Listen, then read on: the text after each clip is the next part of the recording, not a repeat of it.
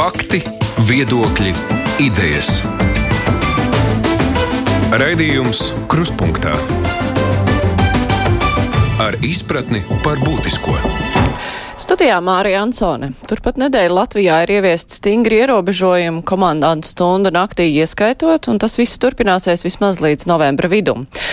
Epidemioloģiskā situācija neuzlabojas, bet tik ātri ierobežojumi ietekme arī nevarētu būt jūtama. Tomēr esam nonākuši jau tik tālu, ka Veselības ministrija plāno valdībai iesniegt pieprasījumu mobilizācijas izsludināšanai ārstniecības personai, personām.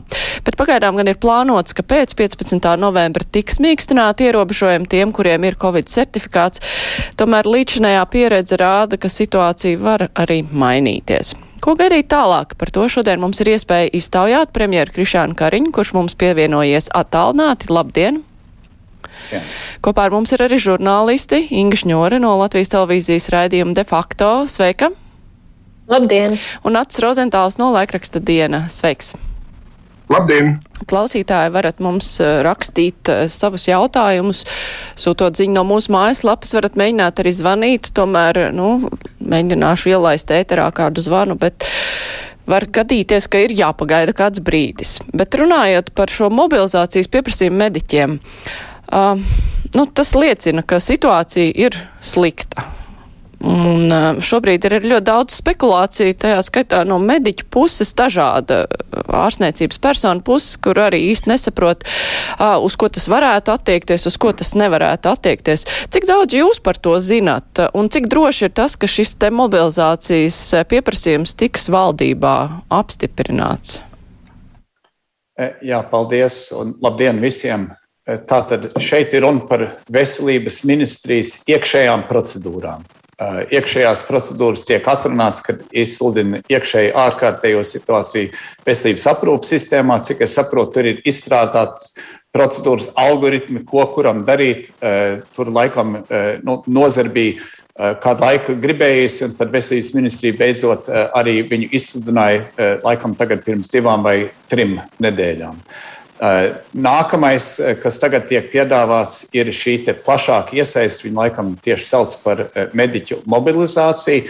Tai arī būtu jābūt iekšēji izstrādātai sistēmai, bet pēc reakcijām vakardien, vakar vakarā, kas nāk no ārstbiedrības puses, es sāku secināt, ka iespējams šīs procedūras iekšēji nemaz nav tik skaidri atrunātas. Un iespējams tas ir, kāpēc šobrīd ir neskaidrības. Uh, Eh, es šo pēcpusdienu, eh, neilgi, neilgi pēc šī raidījuma, eh, tikšos ar Latvijas ārstbiedrības pārstāvjiem, lai saprastu, kas viņiem ir šobrīd tas, kas viņus dara visbažīgāks, kur ir tās neskaidrības un kā, kas ir tad jāskaidro. Nu, protams, ministra uzdevums ir strādāt, skaidrot ar savu nozari, tai skaitā sagatavot viņus uz šādu diezgan nu, lielu soli.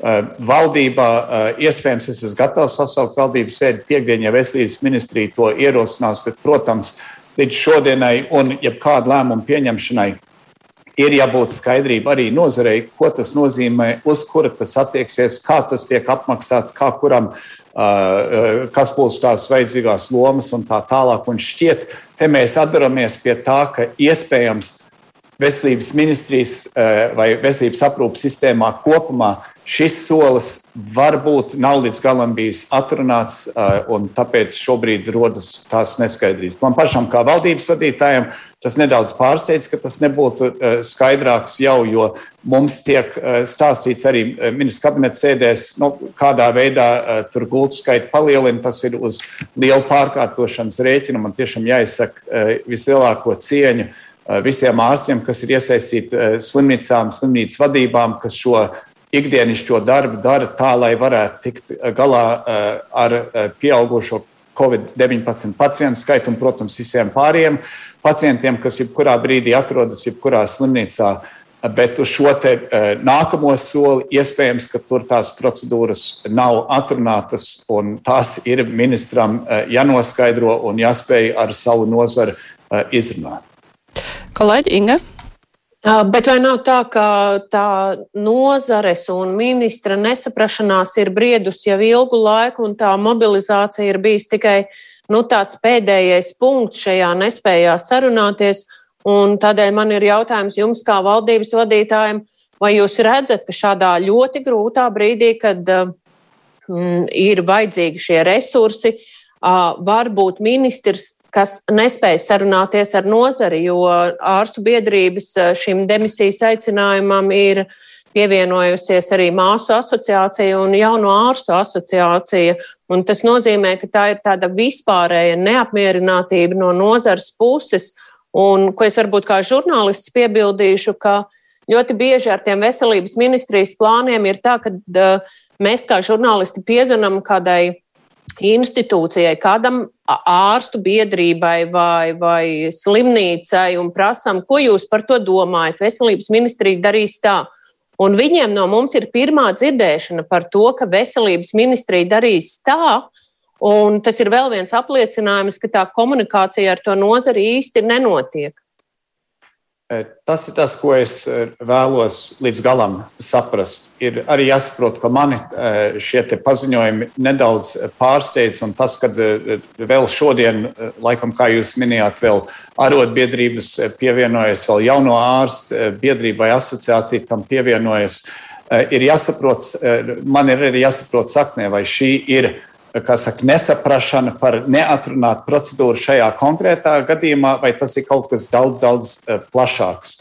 Eh, eh, nu, tad, attiecīgi, runājot ar šiem ārstu pārstāvjiem, es sapratīšu, cik dziļa tā sāpe ir un kādi ir tie iespējamie risinājumi. Es arī, protams, to labprāt uzklausītu no visiem. Man svarīgi, kā valdības vadītājam, ir nodrošināt vairākas lietas. Viens ir valstī vispārēji mieru. Uh, mēs nevaram neviens uh, krist šobrīd panikā. Mums pietiek uh, izaicinājumu savām rokām, gan ar Covid, atcerēsimies vēl Baltkrievijas robežu izaicinājums, krīze arī mums katru dienu vēl joprojām turpinās. Mums ir svarīgi atrast ceļu, iziet no šī visa ārā. Tātad es koncentrēju visu savu darbību un savu enerģiju uz to, lai atrastu risinājumus, kā mēs varam iziet ārā. Un, protams, pamat, pamatā ir šī vakcinēšanās. Jo uh, jebkurā gadījumā, uh, lai mēs kā valsts izietu no šīs krīzes, bez plašas, veiksmīgas vakcinēšanas nu, procedūras ar ļoti plašu aptveri, mēs nevarēsim. Un mēs būsim spiesti ar vieniem vai citiem ierobežojumiem dzīvot ilgi, ja mēs ko kolektīvi un kopīgi nevakcēsimies. Tātad tas ir pamatu pamats. Šobrīd ir runa par konkrētu kādā veidā veselības ministrija ir iecerējusi nodrošināt nepieciešamās eh, gultas, ko nu, tie, tie aprēķini jau ir bijuši kādu laiku un, un ir zināmi. Tātad varētu teikt, tas nevar būt pārsteigums no ministrijas puses, cik gultas vajag, bet acīm redzot, nozare eh, nav sapratusi, kā pie tām gultām eh, līdz galam tikt. Nu, mums ir soli pa solim jāiet. Atcerieties, ka vēl kā valdības vadītājs man ir valdība un koalīcija. Koalīcijas un valdības esamība balstās uz saimnes vairākumu atbalsta. Un man ir jādomā arī par to, kādā veidā saturē, saturēt visu valdību un koalīciju kopā, jo šajā brīdī valstī, jebkurā gadījumā, bez funkcionējošas valdības arī būtu ļoti grūti. Tātad izaicinājumu šeit ir ļoti daudz. Šeit ir konkrēti eh, pārmetumi vai sašutums no, no ārstu puses eh, par ministru viņa darbību, kad es to labāk sapratīšu un sapratīšu, kā viņi piedāvā un saredz izēju no šīs situācijas, tad es labāk sapratīšu, kas mums kopā ir jāizdara. Premjerkungs, bet ir jau jautājumi, kurus eh, es atvainojos, Inga. Ir jau jautājumi, kurus jūs tomēr varat arī pats sekot līdzi un, un kurus jūs noteikti zināt. Un tas ir jautājums, ko uh, māsu biedrība ir teikusi, ka viņi nav apmierināti joprojām ar to atalgojumu, ko viņiem piedāvā, un ka viņi uh, ļoti apšauba, ka izdosies uh, mobilizēt šīs māsas veiksmīgi, jo viņi lieto jēdzienu ņirgāšanās, valdības ņirgāšanās, nevis vidas ņirgāšanās šajā gadījumā. Un, piemēram, pirmdienu laikrakstā diena Jevgeņijas Kalējs, slimnīcas biedrības pārstāvis, atgādina, ka ir uh, slimnīcām joprojām no valdības puses un no ministrijas puses nav izdevies dabūt to finansējumu, kas ir solīts, kas ir, ko slimnīcas pašas ir ieguldījušas, lai pārprofilētu, lai iegādātos aparatūru, lai pārprofilētu, remontētu telpas un tā tālāk. Kāds šis jautājums, vai tas ir iestrādāts nākamā gada budžetā, vai to var izgrozīt šogad? Tie ir jautājumi, ko jūs varat risināt, jums nav jāskatās uz pagaidu. Paldies. Tātad otro jautājumu, ko es spēju pēkšņi, nu, kur tūlīt atbildēt un atcerēties, tātad par samaksām slimnīcām. Kā šis notiek, lai, lai būtu skaidrs? Valdībā pieņem lēmumu piešķirt vai nepiešķirt finansējumu. Mēs sen esam pieņēmuši visas veselības ministrijas pieprasījumus uz papildus naudām visā šajā Covid laikā. Nauda tātad ar augstāko lēmumu ir piešķirta. Un tagad ir jautājums, kā viņi praktiski nonāk atpakaļ slimnīcas kontā. Un tur mums ir Nacionālais veselības dienas, kas kontrolē visas uh, veselības ministrijas iekšējās naudas. Nākamgad tur gandrīz pusotras miljārds nodokļu maksātāju naudu iekšā ir Viņi ir tie, kas eh, eh, izskata eh, slimnīcas pieprasījumu, sagatavo papīrus, un tad, tad kad viss ir gatavs, nosūta finanšu ministrijai uz izmaksu. Finanšu ministrija daždienu laikā izmaksā no brīža, kad viņi saņem to pieprasījumu no Nacionālā veselības dienas. Bet mums izskatās, un šo mēs esam ilgs, ilgstoši konstatējuši, ka kaut kas veselības sistēmas iekšēnē, tātad starp Nacionālo veselības dienas un slimnīcām, nestrādā tā, kā tam būtu jābūt. Un, protams, tā neapmierinātība ir īsta, un, protams, tā neapmierinātība kļūst uz, uz valdību kā tādu, bet es varu atkārtot, lēmumus piešķirt naudu mēs sen esam pieņēmuši, un tiklīdz konkrēts rēķins atnāk uz finanšu ministriju, nu, uz, uz valsts kases izmaksāt naudu, tas arī tiek daždienu laikā izmaksāts. Tātad tur ir kaut kāda man nelīdz galam sap, saprotama kavēšanās starp Nacionālo veselības dienas un slimnīcām. Pa otru pusi par algām un uh, medmāsu algām. Šeit mēs arī esam valdībā par šo runājuši un diezgan asas ir bijušas diskusijas. Uh, proti, mēs esam piešķīruši iepriekšējos gados, arī nākamgad uh, vēl papildsies, pareizi atminos no, vai, no galvas vairāk kā 40 miljonu atalgojumu turpmākai celšanai. Nākamgad mēs paredzam trešā daļa no visiem bāzes pieaugumiem Tātad vairāk nekā 100 miljonu eiro veselības aprūpas sistēmai kā tādai. Un tad tas ir tālāk ministra kompetencē, kā vislabāk šo naudu sadalīt. Mēs kolektīvi šo naudu esam eh, piešķīruši, tas tagad saimā pirmajā lasījumā ir pieņemts. Un tas, kas mani mulsina, ir, kāpēc nevar veselības ministrija straujāk audzēt eh, medmāsas algas eh, nekā tas ir ārstiem. Jo izskatās, ka šobrīd veselības ministrija plakani teiksim, par 8 vai 10 procentiem, tam, kam ir 800 eiro, palielina par 10 procentiem, un tam, kam ir 8000 eiro, palielina par 10 procentiem. Bet man liekas, jebkurš var saprast to drusku neloģiskumu, bet te atkal ir grūtība, ka uh, ir ļoti uh, grūti saprotami tie apmaksas ceļi, jo šīs medmāsas pamatā nav veselības ministrijas atalgot, bet viņas slimnīca atalgot. Un tad tur ir ļoti, es, es, es līdz šai dienai neesmu sapratis līdz galam tās tiešās formulas, kā tur tiek izmaksāts pēc dažādiem tarifiem un tā tālāk. Bet šis ir jautājums, kas ir bijis jārisina sen. Naudu mēs piešķiram eh, eh, šķietami daudz, bet eh, man nelīdz galam saprotam iemeslu dēļ tā nauda nenonāk tur, kur mēs kā politiķi pārējie valdības locekļi gribētu, ka nonāk, un varbūt arī veselības ministrs gribētu, ka nonāk. Tātad šī ir ilgstoša problēma, kas saistās vispār ar finansējumu veselības aprūpes sistēmā. Bet naudu, un es, es dziļi izprotu eh, medmās pārstāvis, eh, es arī nesaprotu, kā tas var būt, ka mēs ieguldam un ieguldam aizvien lielākus līdzekļus, bet tas neatspoguļojas šo strādājošo cilvēku algās. Jo var atgādināt, tas ir objektīvi saskat, saskatāms. Kopš 2016. gada, piecu gadu laikā, veselības aprūpas budžets ir dubultojies. Bet Uh, uh, nu, jūs pats varat saprast arī manu frustrāciju, to visu. Es sadzirdu to.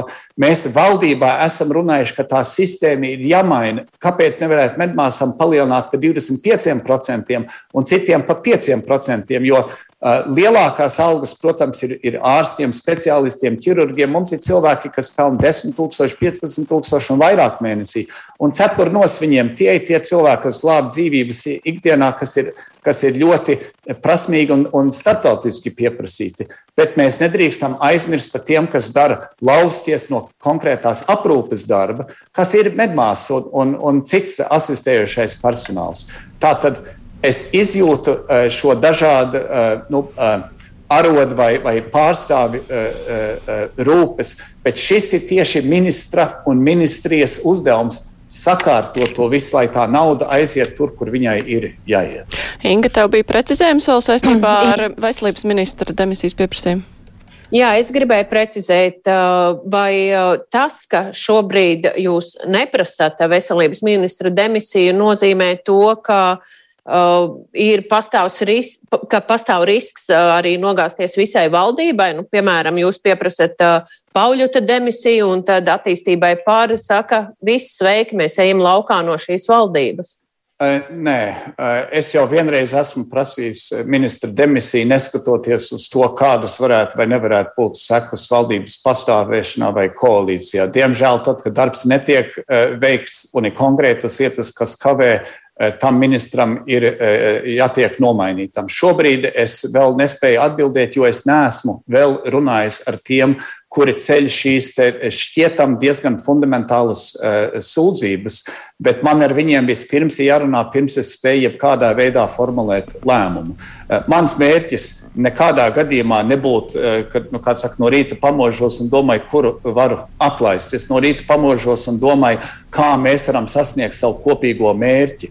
Bet, ja ir šāds milzu nu, šķērslis, tas šķērslis ir vienādi vai otrādi jāpārvar. Protams, mans instinkts būtu tas, ka jāatrod veids, kā šī nozara ar ministru sadarbotos, lai atrisinātu problēmas. Jautājums, vai šī, vai šī eh, problēma, vai šis sastrēgums ir vai nav pārvarāms. Eh, to es vēl, diemžēl, līdz galam nezinu. Ne pirms man nav bijusi šī saruna. Bet jūs pats esat apmierināts ar veselības ministra darbu šobrīd? Eh, es šobrīd atturēšos komentēt par manu uh, uzskatu par atsevišķiem uh, ministriem. Es gribētu teikt, tā mums ir valstī tik daudz izaicinājumu. Ka, ja es sākšu uh, nu, saka, tikai skatīt uz, uz to, kurš vai kā ir apmierināts, uh, nu, vai cik es esmu apmierināts, tā ir cita lieta. Es to visu izklāstīšu tad, kad viss būs beidzies. Man būtu ļoti daudz ko stāstīt. Bet man šobrīd ir tā, iedomājieties, es jūtu, ka man ir nu, kā valdības vadītājiem ielikt zināmi groži rokos, rokās. Man vajadzīga, ka visi šie nu, kā saka, nezinu, tā kā akadēmiskā laivā airētāji airē vienā virzienā un vēlams vienā ritmā. Tas ir tas, ko es daru ikdienā. Es ļoti dažādus cilvēkus ar diezgan dažādām interesēm, reizēm dažādām spējām, no četrām dažādām politiskām partijām eh, cenšos un esmu līdz šim vairāk kā divu ar pus gadus spējis apvienot uh, kopumā kop, vienotam darbam. Tas ir mans mērķis, turpināt šo darbību. Līdz šim tas ir jāsaka gan par mūsu koalīciju. Katru reizi, kad mēs esam sastapušies ar lielākām grūtībām vai mazākām, mēs esam atraduši veidu, kā viņas atrisināt. Šādā veidā es arī ieeju šajā, eh, šajā posmā, eh, bet kā, kas būs otrajā galā, to vēl redzēs. Bet, jebkurā gadījumā, jebkurš mans lēmums būs balstīts izsverot visas uh, iespējas, kas, manuprāt, būtu pareizākais mums, ko darīt.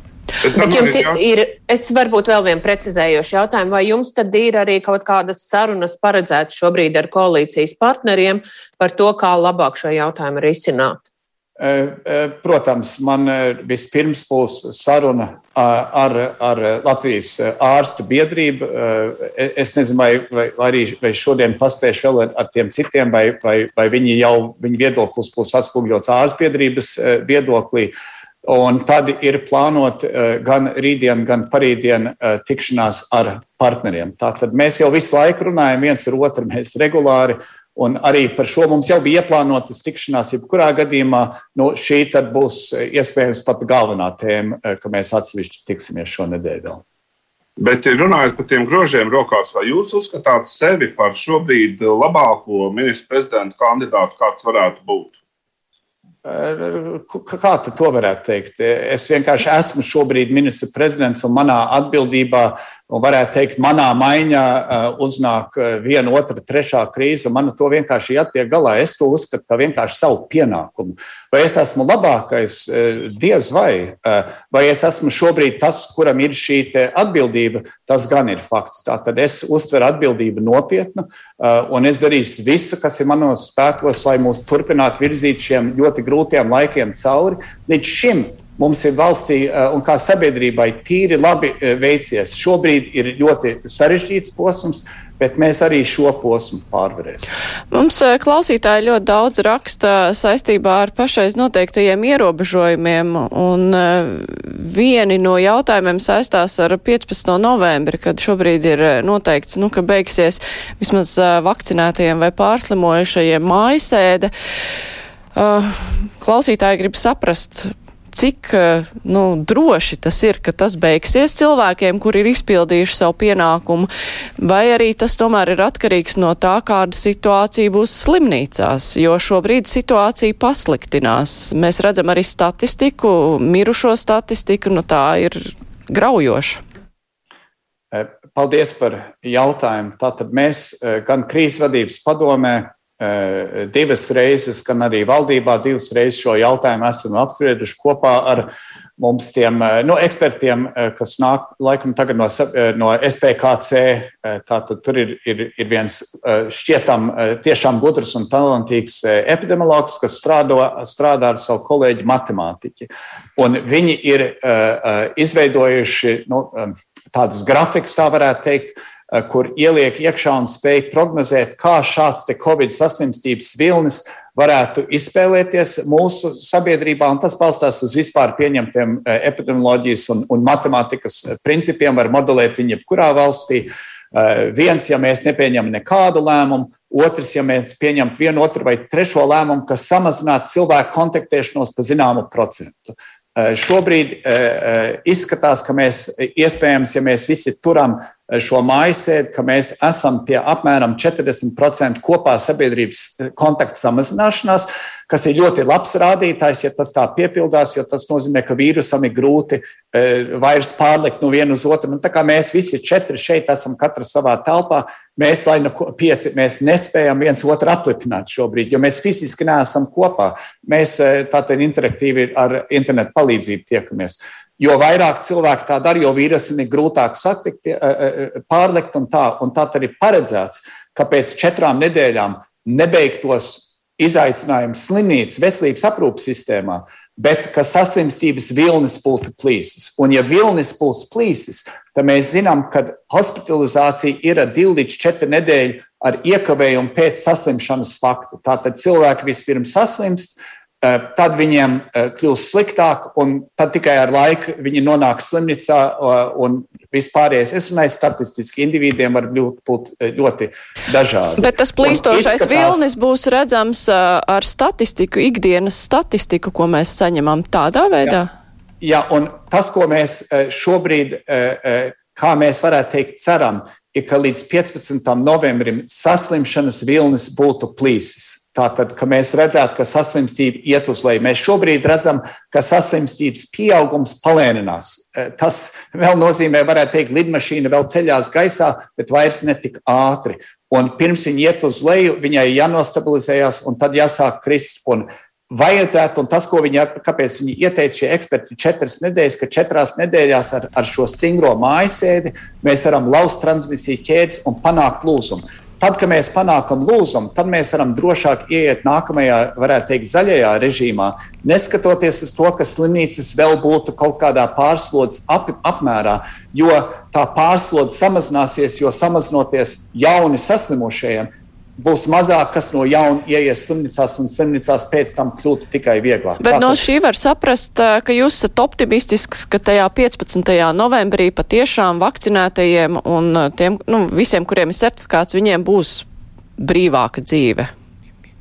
Es negribētu teikt, es esmu optimists. Es uzskatu, ka mums nav uh, milzu izvēles. Uh, tādā ziņā, ka mēs nevaram atļauties uh, ne emocionāli, ne sociāli, ne no uh, naudas izdošanas viedokļa ekonomiski uh, mūžīgi sēdēt mājās. Uh, tas jau nav reāli. Uh, tāpēc lēmu šo īso mājasēdi četras nedēļas, un tad pāriet uz zaļais režīms jau nav, diemžēl, kā Portugālē vai, vai Norvēģijā, tāda, eh, ka, ka viss ir pilnībā atvērts. Tas nozīmē, viss ir atvērts vai daudz kas ir atvērts pilnībā vakcinētiem cilvēkiem, bet vēl nevakcinētiem cilvēkiem nekas īpaši daudz nemainīsies pēc 15. novembra. Un tagad ir jautājums, ka, teiksim, vai tas zaļais režīms, viņš iespējams būs tāds stingrāks, zaļāks režīms ar vēl uh, lielāk, vai, nu, lielākiem ierobežojumiem vēl nevakcinētiem cilvēkiem. Tātad mēs vēl būsim maskās publiskās telpās, Eh, ja, tu, ja, ja veikali eh, būs un plāno, ka veikali atkal atvērtos, tie būtu tiem pašiem eh, ierobežojumiem, kādi līdz šim. Lielā lieta, ko mēs, protams, visi gaidām un ceram, ir, ka mēs varēsim pirmo, trešo klasu palaist 1. novembrī, un pārējās klases, protams, ar maskām, ar visiem drošības pasākumiem, režīmā, kā tas bija līdz šai mājasēdē, kad skolas atsāksies. Tātad mēs vēl neieiesim pilnībā brīvībā, Bet, ja mēs spēsim laust sasimšanas ķēdi, ja mēs ievērojam mājasēdi tagad, tad mēs varēsim atgriezties zaļajā režīmā. Un tas ir atkarīgs ne no valdības uh, vien, bet no mums visiem, ka mēs visi tiešām izmantojam šo laiku, uh, nekontaktējamies, bet pats galvenais - izmantojam šo laiku vakcinēties. Uh, tagad ir laiks vakcinēties tiem, kuri vēl to nav darījuši. Bet par tām skolām mēs vēl jo mazāk varēs pieaugt saslimstība nākotnē. Bet par tām skolām mēs vēl ceram, vai tas ir droši, ne, ka bērni atgriezīsies? Pirmazie bērni. Mēs, ar skolām mēs plānojam. Nekas neliecina, ka šis lēmums tiktu pārskatīts. Tur bija ļoti lielas diskusijas. Arī mēs ieejot mājasēdes režīmā. Uh, uh, Mums, nu, mēs apzinājām riskus, ka vēl, vēl nekas nebūs beidzies. Vairāki ministri tieši uztraucās, kā mēs varēsim izbeigt mājasēdi, ja slimnīcās vēl būs daudz cilvēku vai pat pārslodzi. Un tā atbilde bija, ja mēs varam laust uh, uh, nu, uh, saslimstības līmeni, uh, to dabūt uz leju, tad mēs varēsim uh, atkal atsākt skolu darbību, jo uh, slimnīcas pārslodze vairs nebūs tāda. Bet tas ir atkarīgs, protams, no mums visiem, vai mēs tiešām šīs četras nedēļas būsim mieru visi paciesties. Īpaši vakcinētiem cilvēkiem es gribu izteikt visdziļāko pateicību par to, Eh, šobrīd mēs aicinām jūs sevi ierobežot. Eh, jūs esat darījuši pareizi, jūs esat vakcinējušies, bet mums to šobrīd jādara visas sabiedrības labad un arī, lai palīdzētu mediķiem un slimnīcām tikt galā ar šo milzu pieplūdumu pārsvarā, kas ir ar nevakcinētiem cilvēkiem. Bet kurā datumā jūs pateiksiet to, kas notiek pēc 15. Jo tomēr skolām arī, ja viņām pasaka skaidri un gaiši, ka viņas varēs atsākt, viņām ir jāgatavojas visām mēģināšanām, visām tām lietām, arī visiem pārējiem, kurus jūs palaidīsiet uz šo datumu vaļā, tam ir jāgatavojas. Jo mēs jau redzējām, kas notiek pretējā virzienā, kā uh, veikala depo stāsts par, par neskaitāmām pārtiks vienībām, ko nācās norakstīt un tam līdzīgi.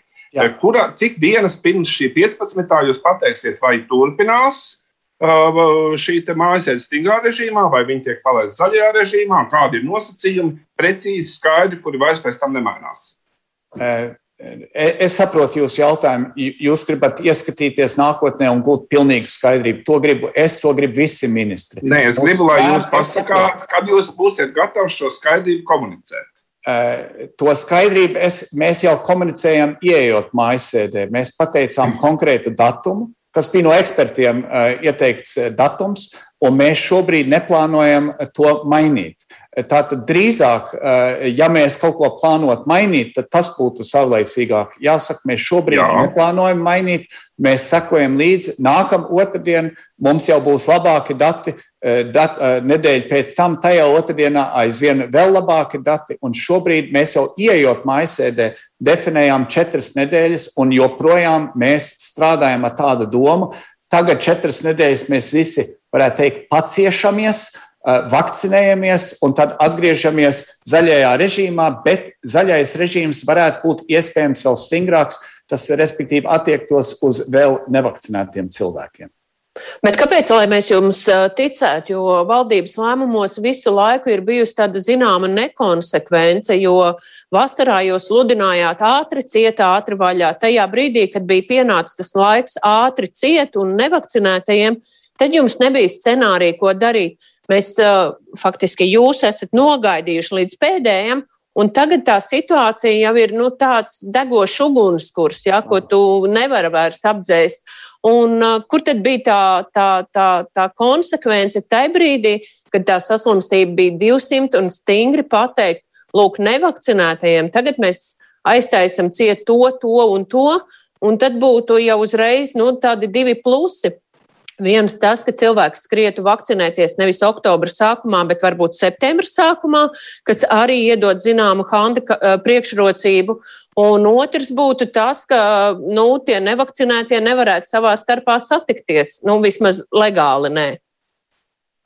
Ai, kā es jums gribu piekrist. Un tā, tiešām no malas raugoties, tā tiešām vajadzētu būt. Bet kā ir vismaz, kā es to saredzu? Valdības ministri nāk no mūsu sabiedrības. Mūsu sabiedrība ir bijusi ļoti dažādos viedokļos, ko vajag vai ko nevajag darīt. Arī valdības sociālie partneri. Jūlijā, eh, kad mēs redzējām, ka vakcinācijas tempi sāk samazināties, mums bija diezgan asas debatas valdības līmenī. Mēs e, e, nolēmām, izstrādājām likumu, nosūtīju saimu, kas jau jūlijā paredzēja Eh, pienākumu vakcinēties zināmām grupām, eh, jo mēs sapratām, ka tā brīvprātība, nu, viņa acīm redzot, kaut kas ir, ir, ir tas nestrādā, tā tad jāiet uz šo pienākumu modeli. Bija ļoti lielas pretestības tajā laikā vispār pieņemot lēmumu. Eh, mums, tā skaitā, daudz mūsu partneri teica, ka visi jāatstāj brīvprātīgi, brīvprātīgi. Saima toreiz dažādiem iemesliem nepieņēma uh, uh, likumu. Vēl septembra sākumā mums netrūka tie eh, valdības partneri, kuri argumentēja, ka nekādā gadījumā eh, nevar iet uz kaut ko obligātu, visi jāatstāj brīvprātīgi, nevar ierobežot veikals, nevar ierobežot ekonomiku. Tie argumenti nākuši krustām šķērsām. Pēc kaujas varētu teikt, visi vicina dūrus un saka, ka es jau zināju labāk, bet tad, kad tas notiek, tas viss jau ir ierakstīts, to vēsturinieku varēs šķetināt. Eh, tā, tā lieta ir nedaudz sarežģītāka. Mums uh, pagāja um, tātad kā sabiedrībai, varētu teikt, uh, ilgāks laiks nonākt pie tam, ka tomēr lietas ir jādara citādi. Un tas arī atspoguļojas. Nu, valdība tādā ziņā agri pieņēma lēmumu. Tikai tas neizturēja, varētu teikt, visu koalīciju, tātad partnerus ārpus valdības, kuri varbūt viņiem nebija tāpat ikdienas informācija, kas valdības locekļiem ir. Tātad var teikt, Eh, kad eh, kaut kas tika novēloti pieņemts. Bet es pats labi atceros, eh, augusta beigās, septembra sākumā, kad saslimstība bija zema, vispār bija tāda plaša neticība. Šī taču nav nekāda problēma mūsu valstī. Mēs taču neesam tā kā tur Lielbritānija bija vai, vai, vai Portugāla kādu laiku bija vai Itālija. Mums taču ir pilnīgi cits. Un mainās cilvēku viedokļi. Tagad ļoti daudz cilvēku, paldies Dievam, iet vakcinēties. Un es minu, ka viena daļa no cilvēkiem, kur iet vakcinēties, arī varbūt nebija tik pārliecināti par šo pirms varbūt diviem, trim mēnešiem. Kāpēc negāja augustā vai jūlijā vai, vai jūnijā, kad bija, kad, nu, viss notika? Nu, pēc tam mēs varam prasīt, bet man jāiziet no tā, ko var jebkurā brīdī panākt un kāda ir situācija šodien. Bet vai valdībai esam... nevajadzēja arī pieņemt toreiz augustā tādu lēmumu par vakcināciju noteiktām profesijām, kā tas tagad tika pieņemts, kad valdība e... faktiski to paveica? E, valdība to e, augustā vēl nebija skaidrs, vai saima pieņems vai ne. Saima neiekustināja likumu jūlijā, augustā vēl bija diskusijas, septembrī laikam tas izbeidzās. Un tad, kad saima bija skaidrs, ka saima nepieņems, mēs vēlreiz konsultējāmies ar juristiem, un, un, e, lai uzdot jautājumu, vai un kā valdība varētu bez saimas likuma maiņu to izdarīt. Un tā atbilde bija, izsludinot ārkārtas situāciju, mēs to varam uh, izdarīt. Uh, augustā izsludināt ārkārtas situāciju, uh, neviens nebūtu tam uh, klausījis. Cilvēki būtu smējušies, kāda ārkārtas situācija. Mēnesi vēlāk, protams, kliedz, kāpēc pirms mēneša nepieņēma, bet apstākļi ļoti strauji mainās. Tas, tā ir tā grūtība, kas mums ir bijis pārliecināt cilvēkus, cik bīstama šī slimība ir un cik ātri un plaši viņa var nemanāmi izplatīties. Un tur jau ir bijis liela pretestība. Tātad mēs esam pieņēmuši tagad, ka tas ir uh, nu, obligāti. Bet aizvien man darba devēja saka, bet, bet likumā aizvien nav nostiprināts, ka faktiski varētu atbrīvot cilvēku. Nu, tagad valdība ir otrreiz to pašu likumu iesniegusi saimā. Ceram, šoreiz apstākļi tā mainīsies, ka saimnes deputāti sapratīs, ka nav jau izvēles. Likums ir, ir jāpieņem. Citādi mūs, mēs kā sabiedrība netiksim ārā no šīs likstas. Un tā viņš notiek. Daudziem cilvēkiem tā apziņa nāk, nu, varētu teikt, drusku novēloti, Es jau nevienu nevaru vainot, un es jau nesaku, es pats esmu jebkādā veidā perfekti spējis paredzēt nākotni. Es melotu, ja es tā teiktu.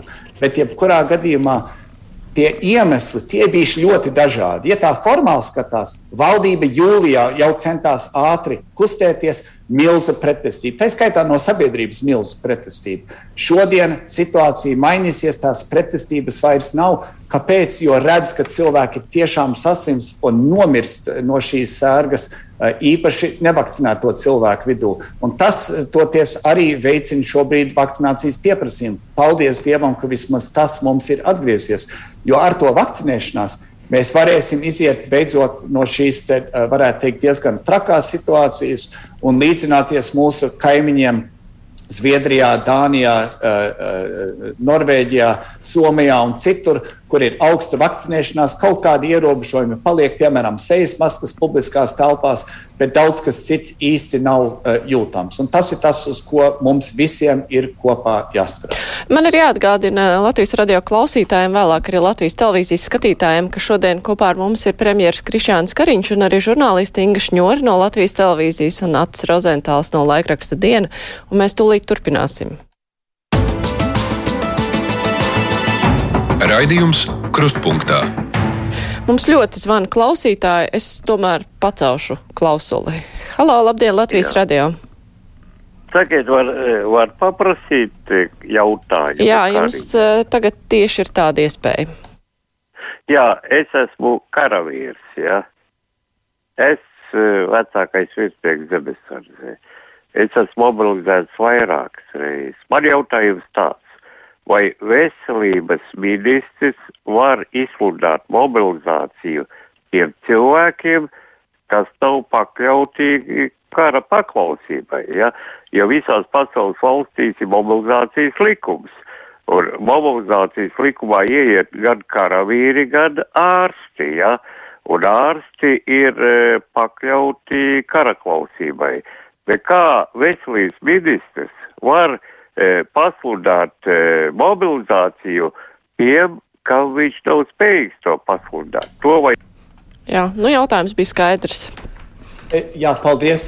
Cik es saprotu, tas, ko veselības ministrs piedāvāja, kas vēl nav iekustināts, ka viņš iespējams šo piekdienu aicinās man sasaukt valdības sēdi, kur valdība eh, eh, pieņemtu šo eh, ārstu mobilizāciju, kas ir pieņemts un paredzēts mūsu likumdošanā. Un, man liekas, tā ārstu biedrības satraukums ir tas, ka acīm redzot, likumā ir paredzēta šī mobilizācija. Jūs, kā karavīrs, esat apmācīts, trenēts, zināt savu vietu, zināt savu rotu un tā tālāk. Zināt, kas jums ir jādara, bet ārstu pusē laikam šāds vingrinājums pat nekad nav, nav izspēlēts tādā teorētiskā veidā. Un tas nozīmē, ka ļoti daudzi ārsti, dzirdot vārdu mobilizācija, ja pretī karavīrs, kas dzird mobilizāciju, nesaprot, vai tas attieksies, kā tas attieksies, ko tas nozīmēs, ko viņam darīt, kurš maksās un tā tālāk. Tur ir ļoti daudz jautājumu, kas acīm redzot līdz galam nav atrisināti, un šie ir tagad jāatrisina. Bet, ja to, to iedarbināt, es saprotu, tas būtu ar valdības lēmumu. Mums ir arī klausītāji jautājumi par vakcināciju tiesnešiem un saimnes deputātiem. Klausītāji norāda, viena lieta ir, ka varbūt tiesnešiem nav pienākums, ka viņus nevar piespiest vakcinēties, bet vai par tiesnesi var strādāt cilvēks, kurš nerāda priekšzīmi, ka viņš ir gatavs sabiedrības vārdā kaut ko darīt.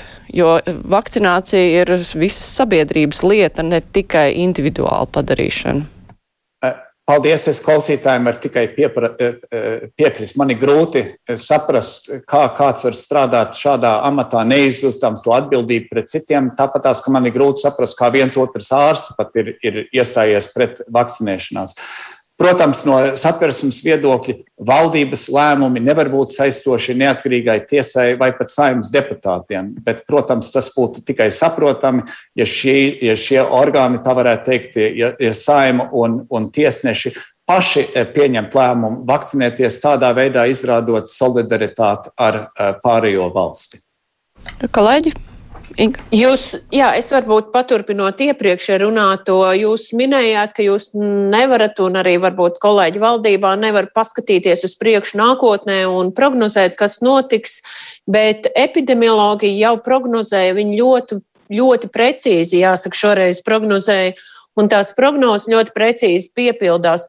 Vai jūs esat gatavs nosaukt šobrīd tos kolēģus valdībā, nu, kuri visvairāk pretojās tām epidemiologu prognozēm, kuri teica, nē, tagad vēl nevajag ierobežojums, vai jūs varat mazliet atklāt detaļas par to, kuri tad ir bijuši vairāk nu, runājuši vienā balsī ar, nezinu, varbūt tirdzniecības rūpniecības kameru, kur saka, neko nevajag aizvērt un mazāk klausījušies epidemiologos?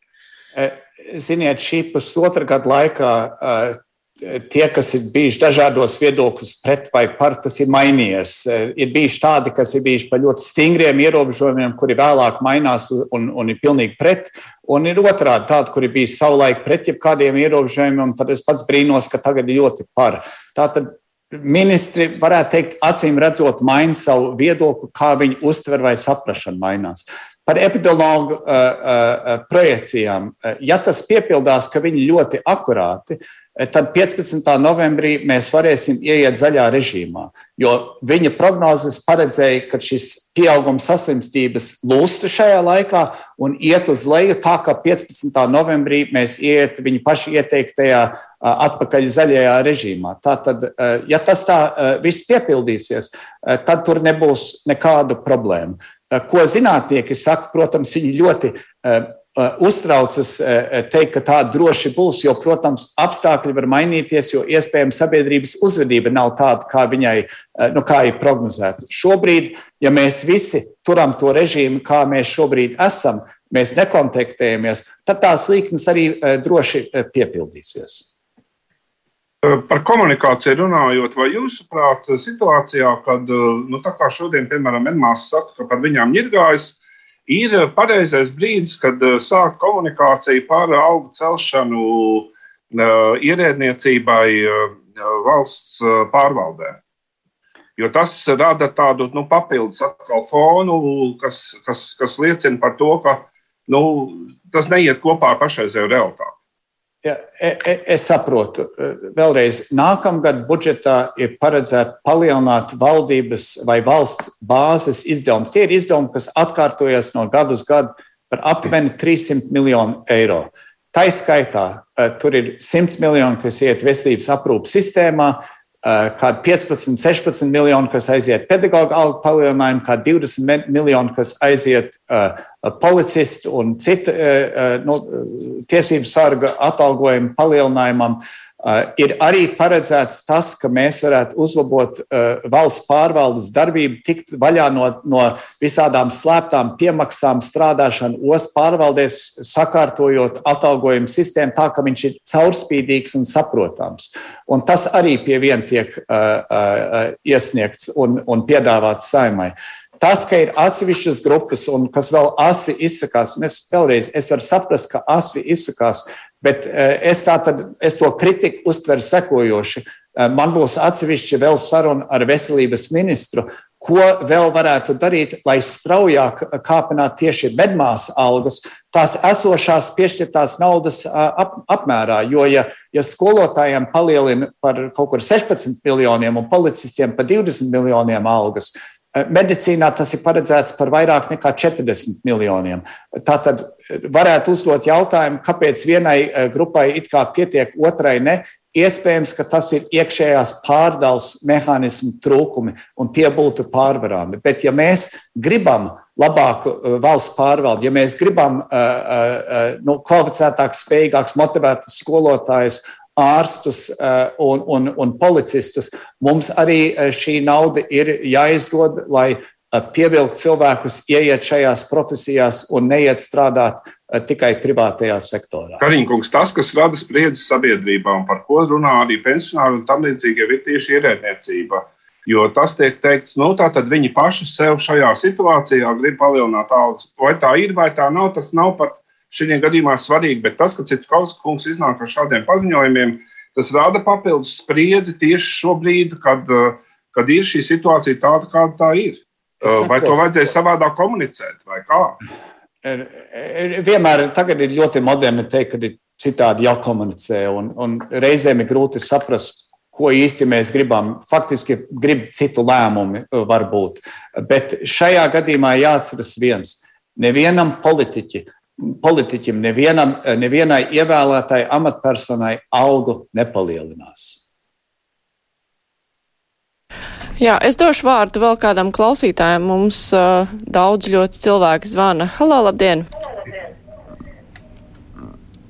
Halo. L sveiki! Jums ir iespēja uzdot jautājumu premjeram. Halo. Jā, laikam neizdos. Labdien! Jā, sveiki! Labdien! Sveiki, esat ēterā. Lūdzu, uzdodiet jautājumu. Arī Es, es uh, gribu parunāt ar, ar, ar uh, ministra kungu Kariņu. Jūs varat uzdot savu jautājumu šobrīd. Jā, var uzdot. Jā, lūdzu. Ne, es gribu pajautāt, eh, kāpēc otrās grupas invalīdiem liek mazāku koeficientu vienmēr pirmais, un otrais jautājums ir tāds, eh, kāpēc, piemēram, otrās grupas, kas nevar strādāt, kam ir jāsaka darba spēja 21 cik procents, ne, neidot nekādu atvieglojumu, neko nepiešķir. Jā, nu, Paldies jautājumu laikam vairāk labklājības ministram. Jā, man, es, es tieši gribēju teikt, es diemžēl nespēju galvā uh, saturēt visus šos skaitļus. Galvā šis ir jautājums, ko es arī uzdošu labklājības ministram, bet es zinu, ka labklājības ministrija strādā pie tā, lai tieši pacelt uh, šos te, uh, koeficients un izmaksas īpaši tiem cilvēkiem, kuriem ir dažādi veidi pabalsti, kuriem ir tie vismazākie pabalsti. Bet klausītāji mums vaicā arī par atbalstu uzņēmējiem, kad saņems pirmo atbalstu tie uzņēmēji, kuri nevar šajā mēnesī strādāt.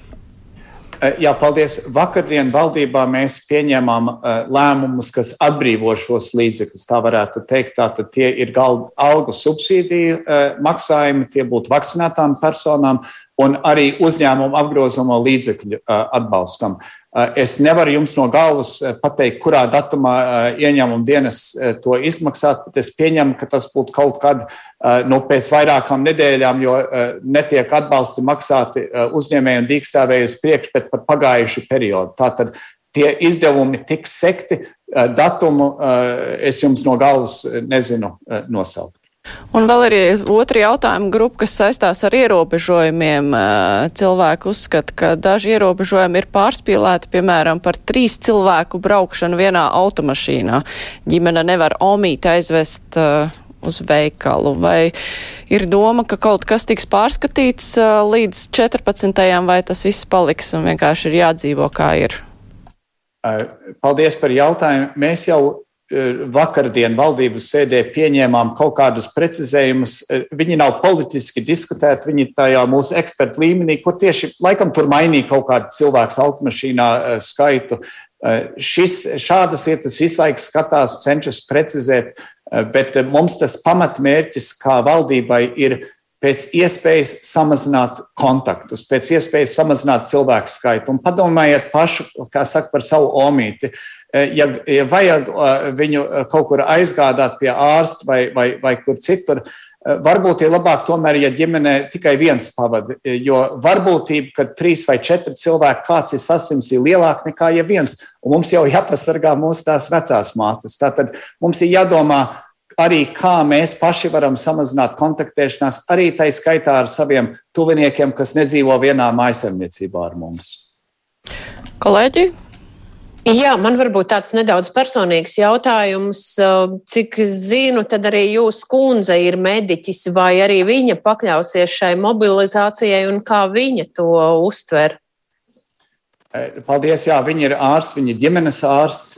Es pats nezinu, kas ir mobilizācijas kārtība, cik es zinu, viņa arī nav informēta vai un kā viņa tikt iesaistīta, bet jebkurā gadījumā tas, ko es zinu, ir, ka viņi turpina ikdienā ārstēt pacientus un viņi turpina ikdienā vakcinēt pacientus.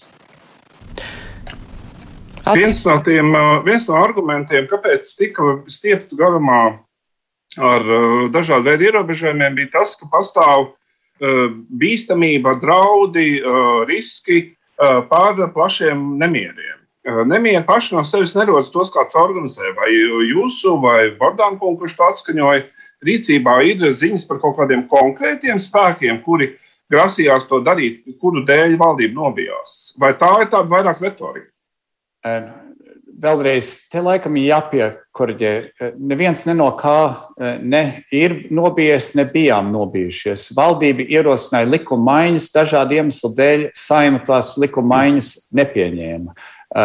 Protams, visu laiku valstī tiek nu, laikam tas vārds būtu monitorēt vai pieskatīt dažādu veidu apdraudējumu, kas mums ir. Tas sākās ar tīri e, militāro uzraudzību, kas diennaktī e, notiek, un tas arī notiek ar dažādām e, iespējamām iekšējiem nemieriem. Visu laiku jau sekotam līdzi. Man kā valdības vadītājam ir svarīgi tai skaitā nodrošināt pēc iespējas mazāku sabiedrības sašķeltību un lielāku vienotību. Mums šī vienotība šobrīd ir ļoti nepieciešama, Eh, gan lai pārvarētu šo covid krīzi, gan arī lai mēs noturētos stingri un vienoti, kas attiecās uz Baltkrievijas valdības centieniem faktiski veikt tādu hibrīdu uzbrukumu gan mūsu valstī, gan Lietuvai, gan Polijai vienlaikus, faktiski Eiropas Savienībai. Tātad mums šie izaicinājumi netrūkst.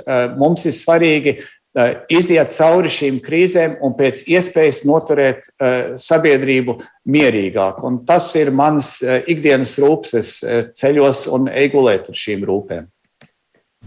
Klausītāji grib zināt, kad tiks likvidēts vakcinācijas birojs. Paldies! Es, es, es sapratu, klausītāji, laikam tur emocijas, ka nu, vienmēr, nu, ka, ka lietas neiet, mēs meklējam, kur un kāds ir vainīgs. Un, un, un tāds birojs. Un, un tas, ka vai varētu darīt to darbu labāk, es nešaubos. Tas, ja mēs šobrīd likvidētu, tas ir atlaistos cilvēkus, kuri organizē vakcinēšanās, nu, tad ir jautājums, kurš tā vietā organizēt vakcinēšanos. Bet, jebkurā gadījumā, es saprotu to, ka mums process ir jāuzlabo. Man, piemēram, dara bažīgi tas, vai uh, pietiekami ir, vai ir pieejamas vakcīnas. Tas ir vakcīnas noliktavās mums ir, bet, piemēram, man nāca vakardienas ziņa, ka vienā otrā pašvaldībā agrākais, ka varēja dabūt vakcīnu, bija laikam 5. novembrī. Un tas man liekas nedaudz satraucoši, jo mums jau tas 5. novembris tā jau zaudēta nedēļa. Eh, mums vajag pēc iespējas ātri, un veselības ministrija tagad organizē aizvien vairāk tās mobilās izbraukuma vakcinācijas dažādi veidos. Tur ir autobusi, tur ir pārnesama tādi tā konteineri, nu, es saprotu, tā kā pārnesams kabinets, kur tas viss notiek. Ir iedarbināti daudzi lielie centri. Ir svarīgi turpināt un meklēt, kā var vakcīnas dabūt tuvāk cilvēkiem, lai nav jāgaida vesela nedēļa. Un tas ir tas uzdevums, kas man ir nevis likvidēt vai nelikvidēt, bet spiest, lai panāktu rezultātu, lai šis birojs strādā nevis uz šķietamību, bet uz konkrētu rezultātu. Jā, Bet, diemžēl, nu, tā šķiet, diemžēl mums vairāk laika nav nemaz, mazāk nekā minūte ir palikusi. To, ka vakcīnas nav noteiktās pašvaldībās, mums arī cilvēki zvanījuši, starp citu, brīvajā mikrofonā un sūdzējušies.